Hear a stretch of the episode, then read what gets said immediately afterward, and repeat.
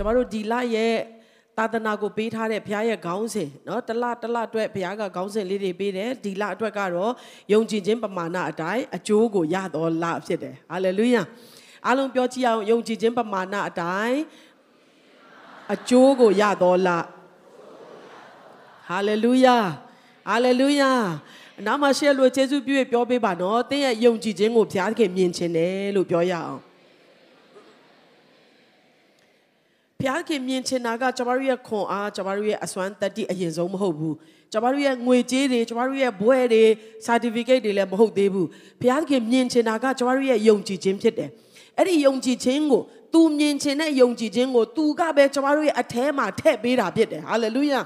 အဲ့ဒီယုံကြည်ခြင်းကိုကျမတို့သုံးသလောက်တိုးပွားစေသလောက်ခိုင်ခန့်စေသလောက်ဘုရားရဲ့ကြီးမြတ်သောသူ့ရဲ့နယ်ပယ်ထဲမှာဘုရားရဲ့ဖြစ်ခြင်းဘုရားရဲ့တကိုးတော်ရဲ့တတ်နိုင်ခြင်းနယ်ပယ်ထဲကိုကျမတို့ကဝင်ရောက်နိုင်တာဖြစ်တယ်ဒါကြောင့်သင်ရရှိတဲ့ယုံကြည်ခြင်းဟာအရာခတ်သိမ်းကိုဖြစ်စေနိုင်သောဘုရားခင်ရဲ့ကြီးမားဆုံးသောကောင်းခြင်းမင်္ဂလာဖြစ်တယ်ဆိုတာကိုယနေ့ပြန်လည်ပြီးတော့နှလုံးသွင်းဖို့ရအတွက်ဖြစ်ပါတယ်လို့ယနေ့ကျွန်မနှုတ်ကပတ်တော်ကိုပေးထားတဲ့ခေါင်းစဉ်လေးကတော့စောင့်ဆိုင်ချိန်၌ယုံကြည်ခြင်းလို့ကျွန်မခေါင်းစဉ်ပေးထားပါတယ်ဆောင်ဆိုင်တဲ့အချိန်မှာကျမတို့လိုအပ်တာကယုံကြည်ခြင်းဖြစ်တယ်နော်။ဆောင်ဆိုင်ခြင်းလို့ပြောလိုက်တာနဲ့လူတိုင်းကဒါဟာအနုလက္ခဏာသဘောဆန်တယ်။အဲတိတ်ပြီးတော့အရန်ကြီးခွန်အားရစရာကောင်းတဲ့အချိန်ကာလအချိန်တွေမဟုတ်ဘူးလို့အလွယ်တကူကျမတို့သတ်မှတ်ကြတယ်။စောင့်တာလူတွေမကြိုက်ဘူးလေနော်။စားတော့ဆိုင်မှာကျမတို့စားတဲ့အခါမှာမိတ်ဆွေတယောက်ကဗာပြောလဲဆိုတော့စာမှားတဲ့ဟာဒါနေတော့လေ ငါအဲစင်းမတိုင်ချင်ဘူးနော်တဲ့နော်ဆိုတော့ဇပွဲတို့တွေလည်းမြန်မြန်ပြေးပြီးလာချကြတယ်နော်ဆိုတော့တချို့တွေကလည်းဒီနေ့စားမှာနော်တဲ့ဆိုတော့စားတော့မှာတာပင်လေ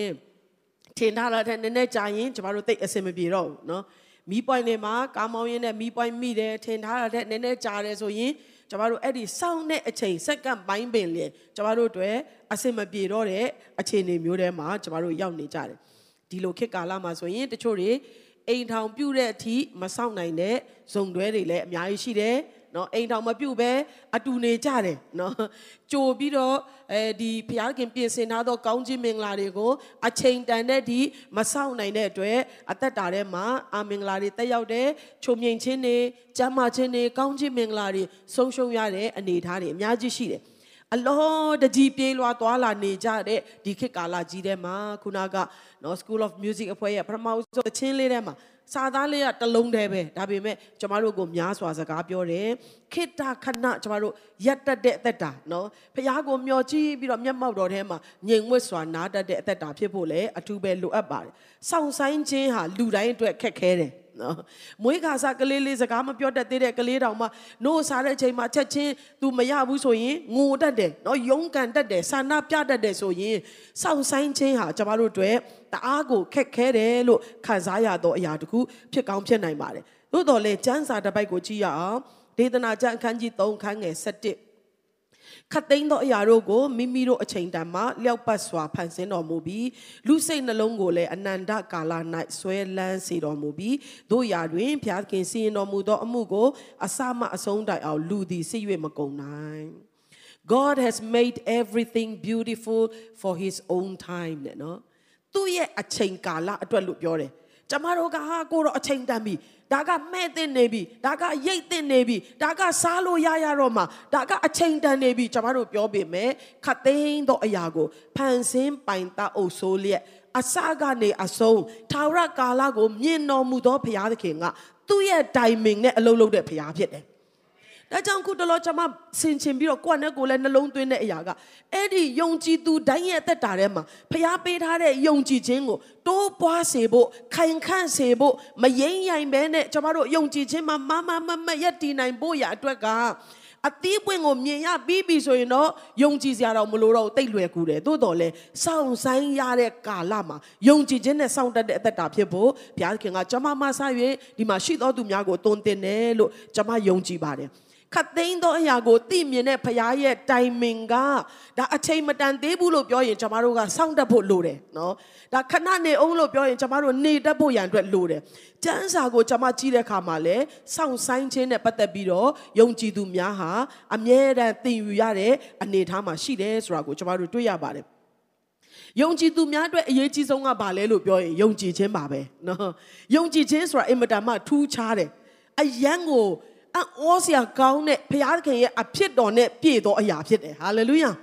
ဘာမှမတတ်နိုင်တဲ့ကျမတို့လူသားတစ်ယောက်ကိုခတ်သိမ်းသောအရာကိုတတ်ဆွမ်းနိုင်တဲ့ဘုရားနဲ့ချိတ်ဆက်ပေးနိုင်သောတခုတည်းသောအရာကသင်ရဲ့ယုံကြည်ခြင်းဖြစ်တယ်ဟာလေလုယာဟာလေလုယာသင်ရဲ့ယုံကြည်ခြင်းဟာအကန့်အသတ်မရှိရွေ့လျားနိုင်တယ်အကန့်အသတ်မရှိအလုံးလုံးနိုင်တယ်ဖခင်ရဲ့နိယာမနဲ့တွာလာတော့ဖခင်ရဲ့အဖြစ်တော်ဖြစ်တယ်ဟာလေလုယာ ယုံကြည်ခြင်းကိုနိုင်ကကိုကဖခင်ရဲ့အဖြစ်တော်ဖြစ်တယ်ကျမတို့ရဲ့အသက်တာထဲမှာမဖြစ်နိုင်သောຢာတွေကိုဖြစ်စေနိုင်ဖို့ရန်အတွက်ဖခင်နဲ့ချိတ်ဆက်ပေးသောຢာဟာကျမတို့ရဲ့ယုံကြည်ခြင်းဖြစ်ပါတယ်ဆိုတော့အဲ့ဒီယုံကြည်ခြင်းကိုကဲတင်ခြင်းရပြီးပြီးသွားတာမဟုတ်ပဲနဲ့အဲ့ဒီယုံကြည်ခြင်းအပြင်နေ့စဉ်အသက်ရှင်ပြီးတော့အဲ့ဒီယုံကြည်ခြင်းအပြင်ဖခင်ရဲ့အဖြစ်တော်တွေကိုတာ၍တစ်နေ့တစ်တစ်နေ့နားလည်လာပြီးတော့တောင်များကိုရွေ့စေပြီးတော့အသက်တာထဲမှာနမိတ်လက္ခဏာနဲ့သွာလာနိုင်ဖို့ယံ ယုံကြည်ခြင်းကနေ့တိုင်းတိုးပွားဖို့လိုအပ်ပါတယ်အာမင်ယုံကြည်ခြင်းကရွေ့လျော့ဖို့မဟုတ်ဘူးတိုးပွားဖို့အတွက်ဖြစ်တယ်ဟာလေလုယာယုံကြည်ခြင်းကရွေ့လျော့ဖို့လားတိုးပွားဖို့လားကိုကိုကိုကိုရင်ဘက်ကိုကိုပုတ်ပြီးတော့ငါရဲ့ယုံကြည်ခြင်းဟာနေ့စဉ်တိုးပွားလျက်ရှိတယ်လို့ဝန်ခံရအောင်တင်းနှစ်သုံးငါရဲ့ယုံကြည်ခြင်းဟာနေ့စဉ်တိုးပွားလျက်ရှိတယ်နောက်တစ်ခါကြဲကြဲလေးဝန်ခံမယ်ငါရဲ့ယုံကြည်ခြင်းဟာနေ့စဉ်တိုးပွားလျက်ရှိတယ်ဟာလေလုယာ ယုံကြည်ခြင်းကိုတိုးပွားစေသောအရာကဖခင်ရဲ့စကားကိုနားထောင်ခြင်းအပြင်ဖြစ်တယ်ဒါကြောင့်ကျမတို့ဖះเจ้าနေတက်ရတယ်နော် online ကနေနားထောင်ရတယ်ဒေသနာတွေကိုကျမတို့ခံယူရတယ်ကျမ်းစာတွေကိုယ်တိုင်ဖတ်ပြီးတော့လေ့လာရတယ်နော်နားထောင်တယ်ဆိုတာဒီနားတယ်ပဲနားထောင်တာမဟုတ်ပဲနဲ့ဖခင်ရဲ့စကားတော်ကိုခံယူသောအသက်တာရှိမှသင်ကတိုးတက်မှာဖြစ်တယ်။သင်ရဲ့ယုံကြည်ခြင်းကကြီးထွားမှာဖြစ်တယ်။နော်ဒါအရန်ရေးကြီးတဲ့အတွက်တစ်ခါထပ်ပြောချင်တယ်။ သင်ကဒီတိုင်းပဲပိမှန်တော်မှာထိုင်နေုံနဲ့ယုံကြည်ခြင်းနဲ့တိုးတက်လာမှာမဟုတ်ဘူးဖခင်ရဲ့စကားတော်ကိုလိုလားစွာစာငတ်စွာခံယူတော့တက်တာရှိတဲ့ခါမှာနှုတ်ကပတ်တော်ကိုခံယူတော့ तू ကမတိုးတက်လို့မရဘူးဟာလေလုယာဟာလေလုယာသင်ရဲ့ယုံကြည်ခြင်းတိုးတက်လာတာနဲ့မြသင်ရဲ့အသက်တာရဲ့အခြေအနေအားလုံးကတစ်စနဲ့တစ်စပြောင်းလဲသွားမှာဖြစ်တယ် ဒါကြောင့်သင်ဟာဘယ်မိသားစုကပေါက်ဖွားတယ်လဲဆိုတာအရေးကြီးဆုံးမဟုတ်ဘူးသင်ရဲ့ background ကဘယ်လောက်တောင့်တင်းတယ်လဲဆိုတာအရေးကြီးဆုံးမဟုတ်ဘူးသင်အိတ်ကထဲမှာငွေကြေးဘယ်လောက်ရှိတယ်လဲဆိုတာအရင်ဆုံးအရေးမကြီးဘူးသင်ရဲ့ယုံကြည်ခြင်းပမာဏကအရင်ရေးကြီးတာဖြစ်တယ်ဟာလေလုယာ ဒါကြောင့်နှုတ်ကပတ်တော်ကိုနားထောင်တဲ့အခါမှာငါအတွက်ဘုရားခင်ကဘာပြောလာမလဲဆိုတော့ယုံကြည်ခြင်းနဲ့စာငတ်ခြင်းနဲ့မျှော်လင့်ခြင်းနဲ့ကျွန်တော်တို့ကအမြဲတမ်းခံယူတော့တတ်တာရှိတယ်ဆိုရင်ယုံကြည်ခြင်းသည်ကြားနာခြင်းအပြင်ဖြစ်တယ်ကြားနာခြင်းဆိုတာကဟိုဟာဒီဟာရှောက်ကြားတာမဟုတ်ဘဲနဲ့ဖခင်ရဲ့စကားတော်ကိုကြားနာခြင်းအပြင်သင်ရဲ့ယုံကြည်ခြင်းတိုးပွားမှာဖြစ်တယ် ယုံကြည်ခြင်းတိုးတက်လာတဲ့ခါမှာယုံကြည်ခြင်းနဲ့ကြီးထွားပြီးခိုင်ခန့်လာတဲ့ခါမှာအံ့ဩစရာကောင်းတာကမဖြစ်နိုင်တဲ့အရာတွေကျွန်တော်တို့ရဲ့တက်တာထဲမှာဖြစ်လာတယ်ဟာလေလုယာ မငြိမ်သက်နိုင်မဲ့အခြေအနေမှာငြိမ်သက်လာတယ်နော်အယံကိုစိုးရင်တင့်နေပြီကျွန်မတို့ကမစိုးရင်ပဲနဲ့ဘုရားကိုကိုးစားတော့အသက်တာနဲ့ဆက်လက်အသက်ရှင်နိုင်တာကတခြားဘယ်ကနေမှရတာမဟုတ်ဘူးနှုတ်ကပတ်တော်ကိုခံယူရင်ခံယူရင်နှလုံးသွင်းရင်ဖက်တွယ်ရင်နဲ့တင်းရဲ့ယုံကြည်ခြင်းကအားကြီးလာတဲ့ခါမှာစိုးရင်ခြင်းတွေကနေရမရတော့ဘူးဟာလေလုယာဝမ်းနဲ့ခြင်းတွေအားငယ်ခြင်းတွေကနေရမရတော့ဘူးမျောလင့်ချက်မဲ့ခြင်းတွေကထွက်ပြေးသွားရတာဖြစ်တယ်ဟာလေလုယာ ဒါကြောင့်ဒီလမှာအသင်းသူအသင်းသားတွေအားလုံးဒီမှာရှိတဲ့ယုံကြည်သူတွေအားလုံးအခုသင်ရှိနေတဲ့နေရာကနေနောက်တစ်ဆင့်ယုံကြည်ခြင်းမှာတိုးတက်သောလဖြစ်ဖို့ဘုရားကောင်းကြီးပေးပါစေနေ့တိုင်းကျမတို့အဖြစ်ချင်ဆုံးကဒီနေ့ငါဟာယုံကြည်ခြင်းအားကြီးစွာအသက်ရှင်သောနေ့ဖြစ်ရမယ်ဆိုတဲ့နှလုံးသားဆုံးဖြတ်ချက်နဲ့နိုးထားကြရအောင်လိုင်းလုံးတွေကတော့လာမှာပဲเนาะအချင်းတွေကတော့လှုပ်ခတ်မှာပဲသို့တော်လဲယုံကြည်သူများသည်ယုံကြည်ခြင်းနဲ့နေ့တိုင်းအသက်ရှင်ရမယ်ဟာလေလုယာ ဟေပြခန်းကြီးလေခန်းငယ်နှစ်မှာငါတို့သည်ဝမ်းမြောက်စရာတဲ့င်းကိုထိုသူတို့ကဲ့သို့ကြားရကြပြီတို့အရာတွင်သူတို့ကြားရသောတရားစကားသည်ကြားရသောသူတို့အထဲ၌ယုံကြည်ခြင်းနှင့်မယောနောသောကြောင့်အကျိုးကိုမပေးတဲ့နော်နှုတ်ကပတ်တော်ဖျားစကားရှိတယ်အဲ့ဒီဖျားစကားကကျွန်မတို့စီကိုရောက်လာတယ်ရောက်လာတဲ့ခါမှာဖျားရဲ့စကားကဖြစ်စေနိုင်သောတကိုးနဲ့ပြည့်တဲ့စကားဖြစ်တယ်ဟာလေလုယာ နောက်တစ်ခါထပ်ပြောချင်တယ်ဖခင်ရဲ့စကားသည်ဖြစ်စေနိုင်သောတကိုးနဲ့ပြည့်သောစကားဖြစ်တယ်အလင်းဖြစ်စေလို့ပြောတာ ਨੇ အလင်းဆိုတဲ့အရာဒီဖြစ်ကိုဖြစ်လာရမယ်ဟာလေလုယာကုန်းဖြစ်စေလို့ပြောရင်ကုန်းဆိုတဲ့အရာဒီပေါ်ကိုပေါ်လာရမယ်ငါမပေါ်လာချင်သေးဘူးလို့ပြောလို့မရဘူးဖခင်ရဲ့စကားဒီဖြစ်စေနိုင်သောတကိုးနဲ့ပြည့်တာဖြစ်တယ်ဟာလေလုယာသင်ကျမ်းမာပြီဆိုတဲ့စကားရောက်လာတဲ့အခါမှာသင်ဟာကျမ်းမာတော်သူဖြစ်ဖို့အဲ့ဒီနှုတ်ကပတ်တော်ကစတင်အလုံးလုံးနေပြီဖြစ်တယ် တတစ်ခုပဲလိုအပ်တယ်ကြားရသောတရားစကားကိုယုံကြည်ခြင်းနဲ့ယောနော်မှတာလျင်အကျိုးကိုပေးတယ်တဲ့နော်ဒါကြောင့်ဖျားဘက်ကတော့နှုတ်ကပတ်တော်ကိုလည်းဆေလွတ်ပြီးပြီးအဲ့ဒီသူဆေလွတ်တဲ့နှုတ်ကပတ်တော်ဟာလွန်ခဲ့တဲ့နှစ်2000ကပို့ပြီးတကိုးကြီးတယ်အခုယော့သွားပြီဆိုတာမရှိဘူးအမြဲတမ်း तू ကတကိုးအပြည့်တရားရခိုင်တော့တိုးပွားစေနိုင်တော့ဖြစ်ပွားစေနိုင်တော့ရာခိုင်တော့အပြည့်နဲ့အဲ့ဒီမျိုးစေ့ကရောက်လာတာ ကျမတို့ဘက်ကလှုပ်ရမယ့်လှုပ်ကပါလဲဆိုတော့အဲ့ဒီတရားစကားကိုယုံကြည်ခြင်းနဲ့ယောနော်ရမယ်ယုံကြည်ခြင်းနဲ့ယောနော်ရမယ်ဟာလေလုယာအကျိုးကိုဖြစ်စေခြင်းနဲ့သူ့ရဲ့ထင်ရှားလာတော့အကောင့်ထဲနဲ့မြင်ရတော့ကောင်းခြင်းမင်္ဂလာဖြစ်ဖို့ရန်အတွက်ကယုံကြည်ခြင်းနဲ့ကျမတို့ဘက်ကယောနော်ဖို့အထူးပဲလိုအပ်တာဖြစ်တယ်ဟာလေလုယာအနားမှာရှေ့လို့ပြောပေးပါအောင်ယုံကြည်ခြင်းနဲ့အမြဲတမ်းယောနော်ပါလို့ပြောရအောင် နှုတ်ကပတ်တော်ကတော့ရှိနေတော်လဲပဲယုံကြည်ခြင်းနဲ့မယောနောဘူးဆိုရင်နှုတ်ကပတ်တော်ကတကိုးတော့ယော့မသွားဘူးသို့တော်လဲတည့်ရဲ့အသက်တာထဲမှာတော့အကျိုးတော့ဖြစ်လာမှာမဟုတ်ဘူးဒါကြောင့်အကျိုးကိုလိုချင်တယ်ဆိုရင်တနည်းအားဖြင့်တက်တဲ့ထင်ရှားလာခြင်းကိုလိုချင်တယ်ဆိုရင်တော့သင်ကနှုတ်ကပတ်တော်ကိုယုံကြည်ခြင်းနဲ့ပွေဖက်ဖို့ယောနောဖို့အထူးပဲလိုအပ်တယ်ဟေပြန်ခန်းကြီး7အခန်းငယ်1မှာယုံကြည်ခြင်းသည် မျော်လင့်သောຢာတို့ကိုမျက်မှောက်ပြုခြင်းဖြစ်တယ်မမြင်သေးသောຢာတို့ကိုတိမှတ်ဆွဲလန်းခြင်းအကြောင်းဖြစ်တယ်နော်ဆိုတော့နှုတ်ကပတ်တော်ရောက်လာပြီနော်အဲ့ဒီရောက်လာတဲ့နှုတ်ကပတ်တော်ဒီမြင်ရတဲ့အချိန်တစ်ချိန်ရောက်လာမှာဖြစ်တယ်ဥပမာအာဗြဟံမင်းကငါလူမျိုးများရဲ့အဖဖြစ်စေမယ်သားပေးမယ်လို့ပြောတဲ့ဖခင်ရဲ့ဂတိတော်ကိုရတဲ့အချိန်နဲ့တကက်ဂတိတော်သားဣဇက်ကိုရတဲ့အချိန်ကာလဂျားကာလဆိုတာရှိတယ်နော် အဲ့ဒီဂျားကာလမှာမျော်လင့်သောအသက်တာကျမ်းစာကဘာပြောလဲဆိုတော့တိမတ်ဆွဲလန်းရတဲ့ကာလရှိတယ်တဲ့နော်အာမင်ဒီနေ့အဲ့ဒီအဲ့ဒီအရာလေးကိုကျွန်မမှစာပြီးအားလုံးနှလုံးသွင်းရအောင်ဘာလို့လဲဆိုတော့အဲ့နေရာမှာကျွန်မတို့ချော်ချော်သွားတဲ့ခါကျတော့အဆုံးကိုမရောက်နိုင်ဘူးเนาะဂတိတော်ရတယ်အာဗိမာန်တော်ထဲမှာဘုရားစကားပြောတယ်အယံဝမ်းမြောက်တယ်ကားလျက်ခုံလျက်သိမ့်ပိုက်တယ်ဒါပေမဲ့အကောင့်ထဲနဲ့မြင်ရတဲ့ကာလမရောက်ခင်ဂျားကာလမှာကျွန်မတို့ကအဲ့ဒီယုံကြည်ခြင်းနဲ့ တိမတ်ဆွဲလန်းပြီးတော့နော်ဘုရားရဲ့ဂတိတော်တွေကိုနှလုံးသွင်းပြီးတော့ဆွဲကင်ထားရမယ့်အစားကျမတို့ကတန်တရားတွေဝင်လာတယ်ယုံကြည်ခြင်းတွေကိုလက်လွတ်လာတယ်ကျမတို့ရဲ့အသက်တာထဲမှာတဖြည်းဖြည်းနဲ့ဘုရားနဲ့ပတ်သက်တဲ့အရာတွေယော့ပါလာတဲ့အခါမှာပန်းတိုင်ကိုမရောက်တော့တဲ့ယုံကြည်သူတွေအများကြီးရှိတယ်ဒါကြောင့်ကျမတို့ဒီစောင့်ဆိုင်ရတဲ့ကာလမှာယုံကြည်သောယုံကြည်သူများဖြစ်ဖို့လိုတယ်ဟာလေလုယာအရာရာမှာစောင့်ဆိုင်ဖို့ရအတွက်နော် ဘုရားခင်ကကျမတို့ကိုတုံတင်တဲ့နီးလန်းတွေအများကြီးရှိတယ်ဥပမာတစ်ပင်စိုက်တယ်ဆိုရင်လည်းကာလတစ်ခုတည်စောင့်ရတယ်နော်အဲပြီးလို့ရှိရင်ကျမတို့ထမင်းဟင်းချက်တယ်ဆိုရင်လည်းကာလတစ်ခုတည်စောင့်ရတယ်မုံဖုတ်တယ်နော်မုံကိုကောင်းမွန်စွာကျမတို့ကသူ့ရဲ့အချိုးစားတိုင်းနယ်ပြီးပြီးမုံဖုတ်တဲ့ဆက်ထဲမှာထည့်ထားတယ်ဆိုရင်တန ਾਈ ခွဲဆောင်ရမယ်ဆိုတန ਾਈ ခွဲဆောင်ရတာနော်အဲ့ဒီမတိုင်ခင်သွားဖွင့်နေဆိုရင်တော့အဲ့ဒီမုတ်ကအကောင်းတိုင်းထွက်လာမှာမဟုတ်ဘူးဆိုတော့စောင့်ဆိုင်ရတဲ့ကာလဆိုတာရှိကိုရှိတာဖြစ်တယ် ကြောင့်မြင်ရတဲ့အရာတွေမှာဘုရားသခင်တုန်တင်ခြင်းဟာဝိညာဉ်နယ်ပယ်ထဲမှာဖြစ်ပျက်တဲ့အရာတွေကိုကျွန်တော်တို့နားလည်နိုင်ဖို့ရန်အတွက်ဖြစ်တယ်နော်အာဒီနေ့ကိုဝင်ဆောင်တယ်မနေ့ပြမွေးချင်ပြီကွာဆိုရင်တော့အကောင့်ထဲနဲ့တော့မြင်ရမှာမဟုတ်ဘူးနော်ပျက်စီးခြင်းနဲ့ပဲကျွန်တော်တို့ကအဆုံးသတ်ရမှာဖြစ်တယ်။ဒါကြောင့်စောင့်ဆိုင်ခြင်းဆိုတဲ့ကာလလေးကိုဖြတ်တန်းနေကြတော့တင်တဲ့ကျွန်တော်ရဲ့အသက်တာထဲမှာအဲ့ဒီကာလမှာလဲကျွန်တော်တို့ကတခြားရာနဲ့သွားလို့မရဘူး။ယုံကြည်ခြင်းနဲ့ပဲဆက်သွားရမှာဖြစ်တယ်။ဟာလေလုယာ။ အဲ့ဒီဆောင်ဆိုင်ရာကာလမှာမမြင်သေးတော်လဲကျမတို့မျော်လင့်နေတဲ့အရာကိုရပြီတကယ်တော့စိတ်ဆွဲလန်းလျက်ယုံကြည်ခြင်းနဲ့ဆက်သွားတယ်ဆိုရင်သင်ယုံကြည်သောအရာကိုသင်ကမြင်ကိုမြင်ရမှာဖြစ်တယ်ဟာလေလုယာဘုရားရဲ့ဂတိတော်ကဂတိတော်နဲ့ပဲမဟုတ်တော့ဘဲနဲ့အဲ့ဒီဂတိတော်ဟာအကောင်အထည်နဲ့ manifestation သူရဲ့ထင်ရှားလာသောအရာကိုသင်ကမြင်တွေ့ရမယ်၊ကိုင်ကိုကိုင်ရမှာဖြစ်တယ် hallelujah ဟာလေလုယာဒါကြောင့်သင်ဟာစောင့်ဆိုင်ရာကာလမှာစိတ်ပြတ်တော်သူမဟုတ်ဘဲနဲ့စောင့်ဆိုင်ရာကာလမှာယုံကြည်ခြင်းနဲ့အသက်ရှင်တော်ဘုရားသားသမီးဖြစ်ဖို့ဘုရားကောင်းချီးပေးပါစေ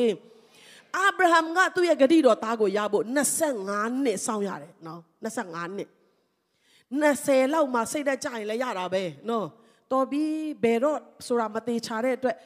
အသက်ရွယ်ရရောအခြေအနေရရောဒီလောက်စောင့်ခဲ့ပြီးပြီဒီလောက်ယုံကြည်ခဲ့ပြီးပြီ တော်ပြီလို့ तू မပြောဘဲနဲ့ဘယ်အချိန်ထိယုံကြည်ရမလဲဆိုတော့မြင်ရတဲ့အထိယုံကြည်ရမှာဖြစ်တယ်ဟာလေလုယာမမြင်ရသေးသောဂတိတော်ကိုဘယ်အချိန်ထိစိတ်ဆွဲလိုက်ရမလဲဆိုတော့မြင်ရတဲ့အထိစိတ်ဆွဲလိုက်ရမှာဖြစ်တယ်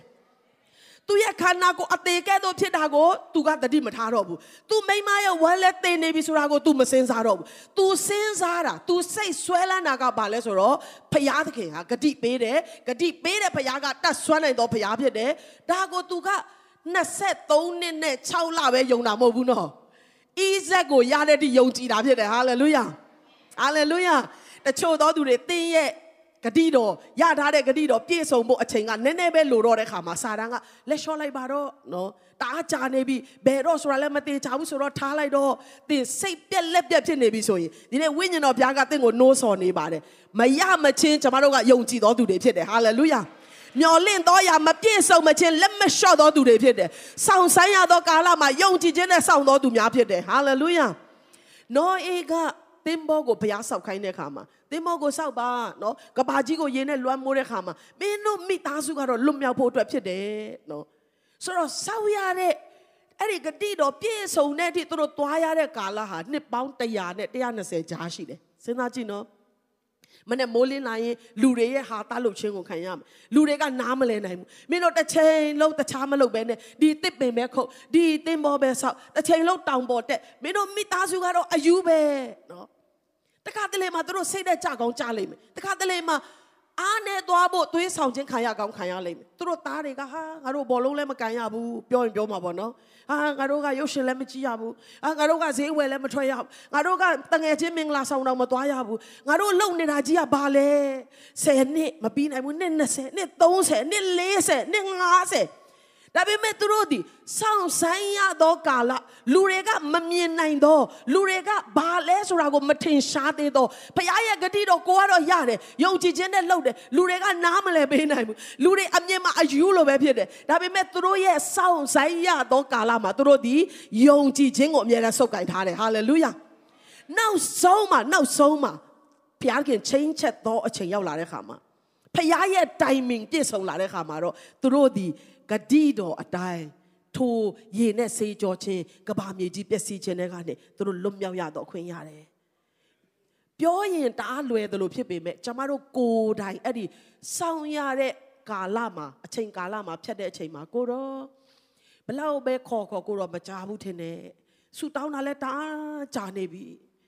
အရန်လဲနာကျင်နေပြီတိတဲ့ကြေကွဲဆရာလည်းမရှိတော့ဘူးကိုတော့အိပ်ပျော်နေတာလား ကိုတော်ကတခြားလူရဲ့ဖျားပဲဖြစ်ပြီးတော့ကျမရဲ့ဖျားမဟုတ်ဘူးလားကိုတော်တတ်နိုင်တယ်လို့ပြောရတဲ့နဲ့ကိုတော်လက်တော်ကဘာကြောင့်သမီးအတွက်အလုံးမလုံးသေးတာလဲ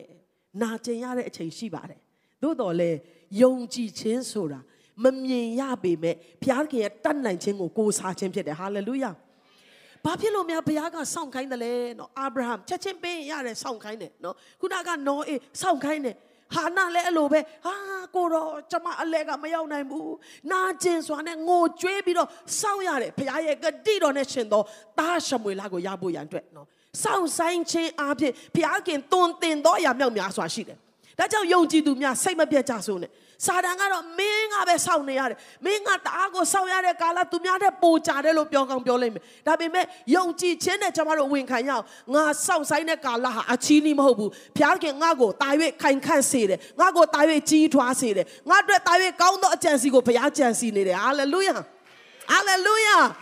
စောင့်ဆိုင်တဲ့ကာလဟာအချီးနှီးမဟုတ်ဘူးအချိန်ဖြုံးခြင်းမဟုတ်ဘူးဆိုတာဒီနေ့ဝိညာဉ်တော်ကနားလည်စေခြင်းတယ်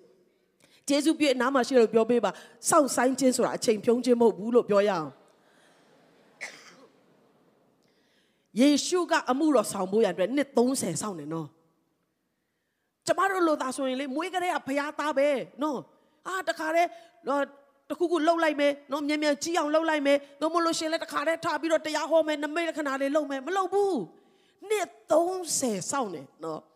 ဒါပေမဲ့အချိန်တန်နဲ့ဖယားကစတော့လို့ပြောတဲ့ခမင်းတော်ရဲ့အတန်ကိုကြားပြီးစလိုက်တာ၃နှစ်အတွင်းမှာတကဘာလုံးအတွက်လုံလောက်တဲ့အမှုကိုသူလှုပ်ဆောင်ခဲ့တယ်ဟာလေလုယာဟာလေလုယာ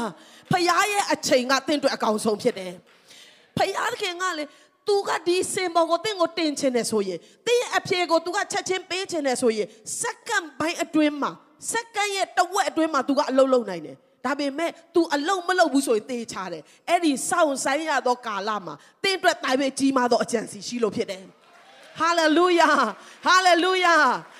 ချက်ချင်းအဖြေမရလို့ကျမဖခင်ကချက်ချင်းမတတ်နိုင်တဲ့ဖခင်မဟုတ်ဘူး။ तू ကမလုတ်သေးဘူးဆိုတာသူ့အတွက်တာ၍ကောင်းသောအကြံစီတော်စဉ်းစားနေတဲ့အရာထဲမှာကျမကိုဆွဲခေါ်နေလို့ဖြစ်တယ်ဆိုတာနားလည်ရအောင်။လက်ခုပ်တီးလက်ကြီးမြတ်တော်မူသောဖခင်ရဲ့မြစ်တာတော်နဲ့သူ့ရဲ့တိုင်မင်အတွက်လက်ခုပ်တီးလက်ဖခင်ကိုချီးမွမ်းရအောင်။ ဆရာကြီးယူဒတန်ကမြန်မာပြည်မှာလာတယ်။အရာအလုံးကိုဆွန့်လွတ်ပြီးတော့အနစ်နာခံပြီးအလုပ်လုပ်တယ်။မြန်မာလူမျိုးတစ်ယောက်ပြောင်းလဲဖို့6နှစ်သူစောင့်ရတယ်။စောင့်ရတယ်။လူတိုင်းယုံကြည်သူတိုင်းဒီစောင့်ရသောကာလကိုမဖြတ်ကျော်ပဲနဲ့ကျမတို့ရဲ့ယုံကြည်ခြင်းကတည်ဆောက်လို့မရဘူး။ အဲ့ဒီစောင့်ရတဲ့ကာလရဲ့အနှစ်သာရကိုစာတန်ကနားမလဲတဲ့ခါမှာကျမတို့ကိုအဲ့ဒီအချိန်ကိုမကြိုက်ဖို့အဲ့ဒီစောင့်ရတဲ့ကာလဆိုတဲ့အခန်းကိုကြော်သွားပြီးတော့ဟိုဘက်ကိုရောက်သွားပြီးတော့ချက်ချင်းဝုန်းတိုင်းကျဲမြင်ရဖို့ရန်အတွက်ကျမတို့ကိုမကြာခဏသွေးဆောင်တယ်ခုတလောကျွန်မအဲ့ဒါကိုအမြဲတမ်းဝန်ခံတယ်စာတန်ငါကစောင့်ရတဲ့ကာလမှာလည်းယုံကြည်တော်သူဖြစ်တယ်ဟာလေလုယာဟာလေလုယာဘာဖြစ်လို့လဲဆိုတော့ကျွန်မတို့ဖခင်ဟာဘယ်တော့မှနောက်မကျတော်ဖခင်ဖြစ်တယ် ဘယ်တော့မှနောက်မကျတော်ဖခင်ဖြစ်တယ်ဘယ်တော့မှနောက်မကျတော်ဖခင်ဖြစ်တယ်သူအလောက်လောက်တဲ့အချိန်ဟာတင့်အတွက်အကောင်းဆုံးသောအချိန်ဖြစ်တယ်ဟာလေလုယာလက်ကောက်တီးအောင်ဘုရားကိုချီးမွမ်းရအောင်အာမင်းကငါမေ့သွားတယ် sorry ပဲမင်းအတွက်အချိန်ကျော်သွားတယ်အခုကနောက်တစ်ယောက်ဖြစ်နေပြီဆိုတော့နော်စေယုံစေခန်းတွေမှာကျမတို့နော်စောင့်နေရတဲ့နံပါတ်တွေကြော်သွားတာမျိုးဖះမှမရှိဘူးဖះကတင့်ကိုဘယ်တော့မှမမေ့ဘူးတင့်အတွက်အကောင်းဆုံးကိုပဲစဉ်းစားတော့ဖះဖြစ်တယ် အဲ့ဒီစောင်းရတဲ့ကာလလေးဟာကျမတို့တာ၍ခိုင်ခံဖို့တာ၍ကြီးသောအရာတွေထဲတဲ့ခါမှာလည်းမပြည့်စည်သောအိုးတွေဖြစ်ဖို့ဖះကပြုစုနေသောကာလဖြစ်ပါတယ်ထိုကာလမှာလည်းယုံကြည်ခြင်းနဲ့စောင့်နိုင်သောသူများဖြစ်ဖို့ဘုရားကောင်းကြီးပေးပါစေယောသကကြီးမားသောယူပါယုံဘုရားပေးတယ်ပြည့်စုံဖို့ရအတွက်ဘယ်နှစ်စောင့်ရလဲလို့ပြောရင်နှစ်ပေါင်းများစွာ14နှစ်ကျော်လောက်နော်သူထောင်ထဲမှာလည်းအချိန်ချင်းကြတယ်နော်ဟိုတခါတည်း ဟိုတွင်းထဲမှာလည်းချိန်ချိန်ကြတယ်။အော်အမျိုးစုံသောညင်ပနှိပ်စက်မှုနဲ့ပြောင်းပြန်သူထင်ထားတာနဲ့ပြောင်းပြန်နေသူတွေ့ချုံရတယ်။ဒါပေမဲ့အချိန်တန်တဲ့ခါမှာဘုရားခင်ကသူ့ရဲ့ဂတိတော်ကိုပြည့်စုံတဲ့ခါပြည့်စုံစေတဲ့ခါမှာကျွန်မဘာကိုအယံခွန်အားရလဲဆိုတော့ယောသက်ကဒီနှိမ်လိုက်မြင်လိုက်နော်ဆင်းလိုက်အိုးမောင်မိုက်တဲ့ရောက်သွားလိုက်ဂျိုင်ဝမ်းနဲ့ဖျက်လျှောက်လိုက်ဖြစ်တဲ့ကာလတွေဟာ စာရန်ကတော့ကြည်စမ်းမင်းနော်ဘယ်မှာလဲမင်းကိုကြယ်တယ်လာတယ်ရှ िख ိုးတယ်ပြောတယ်အခုတော့မင်းတွင်းထဲမှာရောက်သွားပြီခုတော့မင်းရောင်းစားခံရပြီခုတော့မင်းကြုံဖြစ်ပြီခုတော့မင်းမဒိမှုနဲ့ထောင်ချပြီစာရန်ကလက်ပိုက်ပြီးတော့ဟာတိုက်ပြီးရင်နေမှာပဲသို့တော်လေအဲ့ဒီကာလဟာဆုံးရှုံးတယ်လို့ထင်ရတဲ့ကာလဘာမှအကောင့်ထဲမပေါ်လာဘူးလို့ထင်ရတဲ့ကာလဟာသူ့ရဲ့နှလုံးသားကိုပြုစုသောကာလဖြစ်တယ်သူ့ရဲ့နှလုံးသားကိုအကောင်းဆုံးဘုရားခင်ပြုပြင်ပုံသွင်းတယ် သူအားကိုးတဲ့လူတွေကတော့သူ့ရဲ့အခိုအကိုတွေနောက်သူအိမ်မက်အနဲ့ပြန်ပေးတဲ့သူတွေအာလူတွေကိုဘလောက်ပဲအားကိုအားကိုတခုမှမဖြစ်လောက်နောက်ဆုံးမှာသူ့ရဲ့ဖယားကသာလေသူ့ရဲ့အားကိုရာဖြစ်လာတယ်ဖယားကအရာခတ်သိန်းကိုထိန်းချုပ်တော့ဖယားဖြစ်တယ်ဆိုတာ तू နားလည်လာတယ်ဟာလေလုယာ ငါရဲ့ကောင်းချီးကိုဘသူကမှလူယူလို့မရဘူးငါကိုညှင်းဆက်နှိပ်ဆက်တာကလည်းဖျားခွင့်ပြုချက်မရှိရင်မဖြစ်နိုင်ဘူးဆိုတာ तू ကောင်းကောင်းနားလေတဲ့ခါမှာသူ့ကိုရောင်းစားတဲ့အကိုတွေကိုအကောင်းဆုံးလက်တော့ပြန်လို့ရတဲ့ချိန်မှာ तू ပါပြောလေအကိုတို့ဘာမှမစိုးရိမ်နဲ့တတိုင်းပြည်လုံးငတ်ပြီးတော့တင်မဲ့ဘေးကနေလွတ်မြောက်ဖို့ရန်အတွက်ဖျားကကျွန်တော်ကိုဒီနေရာကိုအရင်ပို့တာဖြစ်တယ် အကိုတို့ကစိုးဖို့ရန်အတွက်လှုပ်ခဲ့တာဖြစ်ပေမဲ့ဖခင်ကအဲ့ဒါတွေအားလုံးကိုအကောင်းဆုံးကိုပြောင်းလဲပေးပြီးသွားပြီ။ဆောင်းဆိုင်ရတဲ့ကာလမှာပြုပြင်ခြင်းခံရတာကကျမတို့နှလုံးသားတွေဖြစ်တယ်။အရာခတ်သိန်းကိုထိန်းချုပ်တာဖခင်ဖြစ်တယ်ဆိုတာကျမတို့နားလည်သွားတဲ့ခါမှာလူတွေပေါ်မှာစိတ်နာတယ်လည်းမရှိတော့ဘူး။ဖခင်ကိုကြော်ပြီးလူတွေကိုအားကိုးတာလည်းမရှိတော့ဘူး။ဒီ ကောင်းမွန်သောအရာများစွာကိုထဲလို့ရတဲ့နှလုံးသားထဲမှာတော့ဖခင်ကမဆောင်ဆိုင်တော့ဘူးအချိန်တန်လာတဲ့ခါမှာအကြီးမဆုံးသောကောင်းကြီးတွေကိုထဲ့ပေးသောဖခင်ကကျွန်မတို့ကိုးကွယ်သောဖခင်ဖြစ်တယ်။သင်အချိန်ရောက်ကိုရောက်လာမှာဖြစ်တယ်ဟာလေလုယာ။သင်အချိန်ရောက်ကိုရောက်လာမှာဖြစ်တယ်။တခါမှဒါဝိဒ်ကတော်ထဲမှာတိုးချောင်းနေတယ်။အိုးတခါတည်းတိတက်ဆကလေးကနော်ဆယ်ကျော်တက်ရွယ်ကလေးကဒီတိုးပဲချောင်းနေရတယ်။ ဒါပေမဲ့အဲ့ဒီတိုးချောင်းတဲ့အရာကဖခင်ကနော်သူ့ကိုမင်းကလူကောင်သေးတယ်စစ်တပ်ထဲလည်းဝင်လို့မရဘူးဆိုတော့မင်းကိုယ်တွေလုံးမဟုတ်ဆိုတော့သွားအတုံးမချတဲ့ကောင်လို့ပြောတယ်လို့သူခံစားရတယ်ဆိုတော့အားငယ်မှာပဲဒါပေမဲ့သူကဝမ်းမြောက်စွာနဲ့တိုးတွေကိုကြောင်းနေတယ်ဘုရားကိုချီးမွမ်းနေတယ်ဘုရားကိုကိုးကွယ်နေတယ်တခြင်းနဲ့ဆက်ဆိုနေတယ်သူ့ရဲ့တိုးတွေကိုကိုက်စားတဲ့အကောင်နဲ့လာတယ်ထာဝရဘုရားနာမ၌နော်သူက သူအရင်ဆုံးတိုက်ပွဲဝင်ရတာကဝက်ဝင်နေနော်ဝင်းပလေတွေဒါပေမဲ့ तू ကဘာလဲဖျားနဲ့ချိတ်ဆက်နေတာနော်အဲ့ဒီမြင်ရတဲ့သိုးတွေကိုထိန်းချောင်းနေသောကာလဟာဘုရားသခင်ရဲ့သိုးများစွာကိုဥဆောင်တဲ့ရှင်ဘရင်ဖြစ်ဖို့ရန်အတွက်ဘုရားသခင်သူ့ကိုပြင်ဆင်နေသောကာလဖြစ်တယ်ဟာလေလုယာဟာလေလုယာသင်ကတခါတဲ့ လာကလည်းတိုးတခါမှမတိုးဘူးเนาะတစ်ချိန်လုံးသူများအလုပ်ပဲလုပ်နေရတယ်ဆရေးပဲလုပ်နေရတယ်ကိစ္စမရှိဘူးယုံကြည်ခြင်းနဲ့ဘုရားနဲ့အမြဲတမ်းချိတ်ဆက်ထားပါသင်ရဲ့အသက်တာကိုဘုရားပြုပြင်တဲ့အခါမှာဟုတ်ကဲ့ကိုတော့ဟာလေလုယာအချိန်တန်လာတဲ့အခါမှာနော် ။အိုး prophet ကြီးကိုလွတ်လိုက်ပြီ။စီနဲ့ဘိသိက်ပေးဖို့လုပ်တဲ့ခါမှာလူအမြင်နဲ့အင်မတန်မှရှင်ဘရင်ဖြစ်ဖို့တင်းတော်တယ်ဆိုတဲ့လူတွေကိုဖျားမရွေးဘူး။သူ့ရဲ့ပြုပြင်ခြင်းထဲမှာလှပစွာသွားနေတဲ့ဒါဝိဒ်အတွက် ဘရင်ဖြစ်ဖို့စီဘိသိက်ကအစဉ်သစ်ဆောင်နေတာဟာလေလုယာ။လောက်မယ်ဆိုတော့အေးဒီတယောက်မဟုတ်ဘူး။ဟာစီနဲ့ဘိသိက်မမောဒီတယောက်မဟုတ်ဘူး။နောက်ဆုံးတော့ဟိုးတော်ထဲမှာတစ်ချိန်လုံးဖျားနဲ့ချိတ်ဆက်နေတော့တစ်ချိန်လုံးဖျားကိုကိုးကွယ်နေတော့သူ့ရဲ့အသက်တာအတွက်ဖျားပေးထားတဲ့ကောင်းကြီးမင်္ဂလာကဘယ်သူစီမှမားပြီးမရောက်သွားဘူးသူ့စီကိုပဲလာတာဖြစ်တယ်ဟာလေလုယာဟာလေလုယာ တင်းရဲ့ကောင်းကြီးကဘယ်သူစီကိုမှမရွေ့သွားပါဘူးတင်းစီကိုပဲလာမှာဖြစ်တယ်အချိန်ကိုစောင့်ပါဟာလေလုယာအချိန်ကိုစောင့်ပါတင်းရဲ့ချီးမြှောက်ခြင်းလာမဲ့အချိန်ကဖခင်ရဲ့လက်တော်ကနေပဲလာမှာဖြစ်တယ်အရှင်းနောက်တောင်ရောက်ကိုမကြည့်ပါနဲ့ထိုအရက်တွေကိုဖန်ဆင်းသောဖခင်ကတင်းရဲ့ဖခင်ဖြစ်တယ်ဟာလေလုယာဟာလေလုယာတင်းရဲ့ကောင်းကြီးကအချိန်တန်တဲ့အခါမှာတင်းစီကိုလာမှာဖြစ်တယ်တင်းအတွက်ဖရားထားတဲ့ချီးမြှောက်ခြင်းကအချိန်တန်တဲ့အခါမှာတင်းစီကိုလာကိုလာမှာဖြစ်တယ် ဒါကြောင့်မလာသေးလို့သူများယူသွားပြီမထင်နဲ့နော်ဖရားရဲ့အချိန်ကိုစောင့်ပါဟာလေလုယာတချို့လူတွေကဟာ home center မှာသူများတွေတက်တက်ခိုင်းဟာဟိုတယောက်တော့လက်ခတိုးသွားပြီဟာဟိုတယောက်တော့ယာဒူးတိုးသွားပြီကိုယ်ခွဲတန်းရော့တယ်လို့ခံစားတာမဟုတ်ဘူးတင့်ခွဲတန်းကလာကိုလာမှာဖြစ်တယ်ဟာလေလုယာဒီလာထဲမှာမိသားစုအသီးသီးထဲမှာဂတိတော်တင်ရမယ့်ခွဲတန်းနေအပြည့်ဝရတော့လာဖြစ်ဖို့ဘုရားကောင်းကြီးပေးပါစေလက်ကုပ်တီးလက်ထိုးဘုရားကိုအားရပါရချီးမွမ်းကြရအောင် ကျမအနေနဲ့ခံစားရရကဘာလဲဆိုတော့စောင့်ဆိုင်တဲ့ကာလဟာတကယ်တော့ကျမတို့နှိမ်ချတတ်ဖို့ဘုရားတုံတင်သောကာလဖြစ်တယ်နော်တကိုးကြီးသောဘုရားရဲ့လက်တော်အောက်မှာနှိမ်ချမှထိုဘုရားကချီးမြှောက်လို့ရမှာဆိုတော့နော်အဲ့ဒီစောင့်ဆိုင်ရတဲ့ကာလမှာအခုအချိန်တန်ပြီမဟုတ်ဘူးလားကိုတော့အခုဖြစ်ရပြီမဟုတ်ဘူးလားအဖေကိုခေါ်လိုက်တော့မယ်အမေကိုခေါ်လိုက်တော့မယ်ဦးလေးကိုအကူကြီးတောင်းလိုက်တော့မယ်ဆိုတဲ့အချိန်မှာကျမတို့နှိမ်ချစွာနဲ့ကိုတော့ ကိုတော့ကအချိန်မတန်သေးဘူးဆိုရင်လည်းသမီးကတီးခံပြီးစောင့်ဆိုင်ပါမယ်ဘာလို့လဲဆိုတော့ချီးမြှောက်ခြင်းအလုံးကကိုတော့ဖရားပဲပိုင်တယ်အရာကသင်ကိုထိန်းချုပ်တော်သူကကိုတော့ဖရားတပါးတည်းပဲဖြစ်တယ်လူကသမီးရဲ့တက်တာမှာဘာမှမပြုတ်နိုင်ဘူးကိုတော့တပါးတည်းပဲပြုတ်နိုင်တာဖြစ်တယ်ဒါကြောင့်ကိုတော့အချိန်ကိုနှိမ်ချစွာနဲ့စောင့်ပါမယ်လို့ကျွန်တော်တို့ဆုံးဖြတ်ပြီးနာခံလာတဲ့ခါမှာလေအဲ့ဒီစောင့်ဆိုင်တဲ့ကာလမှာစာတန်မတိတဲ့နဲ့နဲသောပြုတ်ပြင်ခြင်းကကျွန်တော်တို့ထဲမှာရောက်လာတယ် နှိမ်ချတတ်ဖို့ဘုရားကိုအမြင့်ဆုံးသောနေရာမှာထားဖို့ဘုရားရဲ့အုပ်ချုပ်မှုအောက်မှာလိုလားစွာဝင်ဖို့နော်ကိုယ့်ရဲ့အသက်တာကိုစက္ကအနန္တတ်ဖို့နှိမ်ချတတ်ဖို့ဘုရားခင်တုံတင်လဲတဲ့အခါမှာအဲ့ဒီအရာရဲ့အတိပွင့်ကဘာဖြစ်လဲဆိုတော့နှိမ်ချသောသူကိုဘုရားခင်ချီးမြှောက်တယ်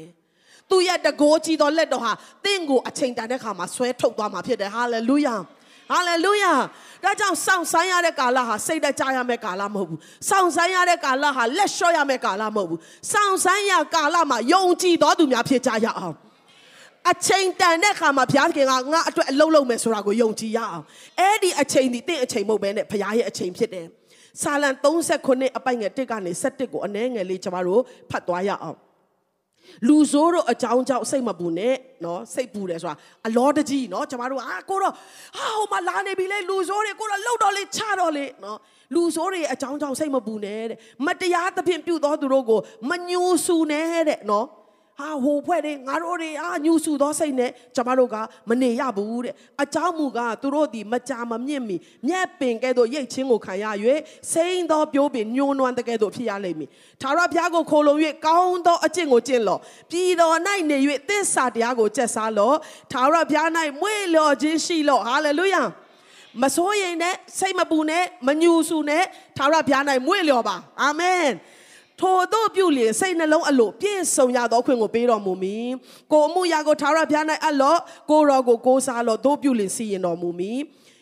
တင်ဤဖြောင်းမှတ်ခြင်းအကြောင်းကိုအလင်းကဲ့သို့၎င်းတရားသဖြင့်ပြုခြင်းအရာကိုမွန်းတဲ့ရောင်ချီကဲ့သို့၎င်းဖော်ပြတော်မူမည်39အငယ်9မှာထာဝရဘုရားရှေ့မှာငြိမ်ဝတ်စွာနေ၍ကိုတော်ကိုငန့်လဲလောဟာလေလုယာ မိမိအမှု၌အောင်တတ်သောသူမကောင်းသောအကြံစီတို့ကိုပြီးစီးစေသောသူ၏အကြောင်းကြောင့်စိတ်မပူနှင့်ကျမတို့ကမငြိမ်မဝှက်ဖြစ်စေသောຢာတွေကိုတော့နောက်ကြတော့မှာပဲကိုတော့နစ်တော့မှာပဲကိုတော့ပျက်စီးတော့မှာပဲ မစိုးရိမ်နဲ့တဲ့ကိုအမှုရာကိုထာဝရဘုရားစီမှာအပ်ပါတဲ့ကိုတော့အရာခတ်သိမ်းထက်မှာစိုးစံပြီးတရားစီရင်သောဘုရားဖြစ်တယ်ဆိုတာကိုတတိယပါကိုတော့ကလှုပ်ချင်တယ်ဆိုရင်ခတ်သိမ်းသောအရာကိုတတ်ဆွမ်းနိုင်သောဘုရားဖြစ်တယ်ဆိုတာကိုအောက်မေ့တတိယပါငြိမ်ဝတ်စွာနေပြီးတော့တင်းရဲ့အမှုရာအားလုံးကိုသူ့လက်ထဲမှာထည့်ထားပါတဲ့အာမင်ဟာလေလုယာ မိမိအမှု၌အောင်တတ်သောသူတွေရဲ့အကြံစီတို့မိမိအကြံစီမကောင်းသောကြံစီတို့ကိုပြီးစီးစေသောသူတွေအကြောင်းကြောင့်စိတ်မပူနဲ့အမျက်မထွက်စေနဲ့ဒေါသစိတ်ကိုစွန့်ပယ်လို့ပြစ်မှားစေခြင်းကတိုက်တွန်းသောစိတ်မရှိစေနဲ့ပြစ်မှားသောသူတို့သည်ပယ်ရှင်းခြင်းကိုခံရကြလိမ့်မည်သာရဘုရားကိုမျှော်လင့်သောသူတို့မူကား ပြည်တော်ကိုအမွေခံရကြလိမ့်မည်ခဏကြာပြီးမှမတရားသောသူသည်မရှိရသူ၏နေရာကိုဆေးဆေးရှာ၍မတွေ့ရစိတ်နှိမ်ချသောသူတို့မူကားပြည်တော်ကိုအမွေခံ၍များပြားသောငြိမ်သက်ခြင်း၌မွေ့လျော်ကြလိမ့်မည်ဟာလေလုယာဟာလေလုယာဆောင်ရတဲ့ကာလဟာတအားခက်ခဲပါတယ်ရောက်ရက်ခတ်တယ်စိတ်ပူတယ်နော်နောက်ကျသွားရင်ဘယ်လိုလုပ်မလဲမဖြစ်လာရင်ရော တကယ်လို့များဒီဟာကအသက်တာထဲမှာတကယ်ကြာရောက်လာတယ်ဆိုရင်ရောဖះများမကွယ်ကာခဲ့ရင်ရောဂတိတော်များမပြည့်စုံလာခဲ့ရင်ရောစိတ်ပူခြင်းနဲ့နော်ညူဆူခြင်းနဲ့အလောကြီးခြင်းနဲ့အများကြီးရှိမယ်ဆိုတာကိုရောဘုရားကသိတယ်ဒါကြောင့်မပူနဲ့ငြိမ်ဝတ်စွာနေပါသာရဘုရားကိုမျှော်လင့်ပါဟာလေလုယာလိုင်းတဘိုးထိုင်တဲ့ချိန်မှာတပည့်တော်တွေရောက်ရခတ်ကြတယ်ကိုတော့ကျွန်တော်တို့ကိုတေဖို့ရန်အတွက်ကိုတော့ဒီတိုင်းထားတာလား ကိုတော့နောက်မကြပါဘူးမတ်တရက်လာတယ်လိုင်းနဲ့လေကိုအမိန်ပေးတဲ့ခါမှာငြိမ်ဝတ်သွားတယ်အလွန်ตาရတယ်လို့ကျမ်းစာကလာတယ်ဟာလေလုယာဒါကြောင့်သင်ရဲ့အသက်တာထဲမှာရောက်ရက်ခတ်စေတဲ့အရာတွေရဲ့အထက်မှာအလွန်ငြိမ်ဝတ်ခြင်းရောက်လာဖို့ရာအတွက်ဖခင်ရဲ့အချိန်ကိုစောင့်ဆိုင်သောအသက်တာများဖြစ်ရအောင်ဟေဘဲခန်းကြီး6ခန်းငယ်15မှာเนาะကျွန်မအင်မတန်မှခွန်အားရတဲ့ကျမ်းစာလေးဖြစ်တယ်။ယေရှုပြုအားလုံးတူတူကဖတ်ရအောင်။ထိုတို့နှင့်အညီအာဗြဟံသည် တီးခံလျက်စောင့်နေပြီးမှဂတိတော်ကိုဝင်စားလေ၏။ဂတိတော်ကိုရပြီးဂတိတော်ပြည့်စုံခြင်းလည်းရှိပြီးအဲ့ဒီဂျားကာလမှာလိုအပ်တဲ့အရာကဘာလဲဆိုတော့တီးခံလျက်စောင့်နေပြီးမှ Then Abraham waited patiently and he received what God has promised တီး ခံတယ်စိတ်ရှည်စွာနဲ့စောင့်တယ်တရက်မဟုတ်ဘူးနော်နှစ်ရက်မဟုတ်ဘူးဒီနေ့ကျွန်မဒီအရာကိုနော်ယုံကြည်ခြင်းတွေကိုမြင့်တင်ပေးတဲ့စကားတွေအများကြီးပြောချင်တယ်ကျွန်မအဲမှာလည်းပြည့်ရှံနေတယ်သို့တော်လည်းဒီရက်ပိုင်းမှာကျွန်မကိုယ်တိုင်ခွန်အားယူနေရတဲ့အရာကနော်စောင့်ဆိုင်တယ်ဂတိတော်ကမပြည့်စုံလာသလိုရှိတယ်ကြည်ရင်ကြည်ရင်နဲ့နော်ကိုယ့်ရဲ့အခြေအနေကိုကြည်တယ်ကိုမိန်းမအခြေအနေကိုကြည်တယ်ကိုယ့်ရဲ့အဝင်းဝိုင်းကိုကြည်တယ်စိတ်နဲ့ကြစရာတွေကြီးပဲရှိတယ်သို့တော်လေအာဗြဟံက တီးခံပြီးတော့စောင့်ဆိုင်တဲ့ခါမှာအချိန်တန်တဲ့ခါမှာဘုရားရဲ့ကောင်းခြင်းမင်္ဂလာဂတိတော်ပြည့်စုံခြင်းကိုရတယ်ဒီနေ့သင်စောင့်ဆိုင်ရတဲ့ကာလမှာယုံကြည်ခြင်းနဲ့အသက်ရှင်တော်သူဖြစ်ုံတာမကယုံကြည်ခြင်းကိုဝင်ခံတော်အသက်တာဖြစ်ဖို့ဘုရားလိုတော်ရှိတယ်ဟာလေလုယာဟာလေလုယာအာဗြဟံကအရင်တော့ကအာဗျံဖခင်ကသူ့ကိုလူမျိုးများရဲ့အဖအာဗြဟံစာရဲကိုစာရာလူမျိုးများရဲ့မိခင် တရက်ပဲမဟုတ်ဘူးနှစ်ရက်ပဲမဟုတ်ဘူးသူတို့ရဲ့မှတ်ပုံတင်မှာလည်းနာမည်ပြောင်းလိုက်တယ်ဟာလေလုယာတကောင်စရင်မှာလည်းသူတို့နာမည်ပြောင်းလိုက်တယ်သူတို့ရက်ွက်ထဲမှာမိတ်ဆက်တဲ့ခါမှာလည်းခမည်းနာမည်ဘယ်လိုခေါ်လဲလူမျိုးများရဲ့အဖအာဗြဟံအိုးဟုတ်လားသားသမီးတွေအများကြီးရှိမှာပဲနော်တယောက်မှမရှိဘူး တော်ပြီကွာရှက်စရာကောင်းနေဒီအခုအစငါတို့နာမည်ပြအဟောင်းကိုပဲပြန်သွားရအောင်သူများမေးရင်အာပြန်ပြောအိမ်ထဲမှာကိုကိုနည်းနည်းတိုးတိုးတိတ်တိတ်အာဗြဟံရေနော်ဆာရာရေခေါ်တာပေါ့ပြင်မှာတော့သူများမေးရင်တော့အစင်မပြေဘူးနာမည်မေးရင်အာပြန်ပဲပြောရအောင်မပြောဘူးနော်ယုံကြည်တော်သူများစောင့်ဆိုင်းရာကာလမှာလဲယုံကြည်ခြင်းစကားကိုပဲပြောရအောင်ဟာလေလုယာဟာလေလုယာဟာလေလုယာ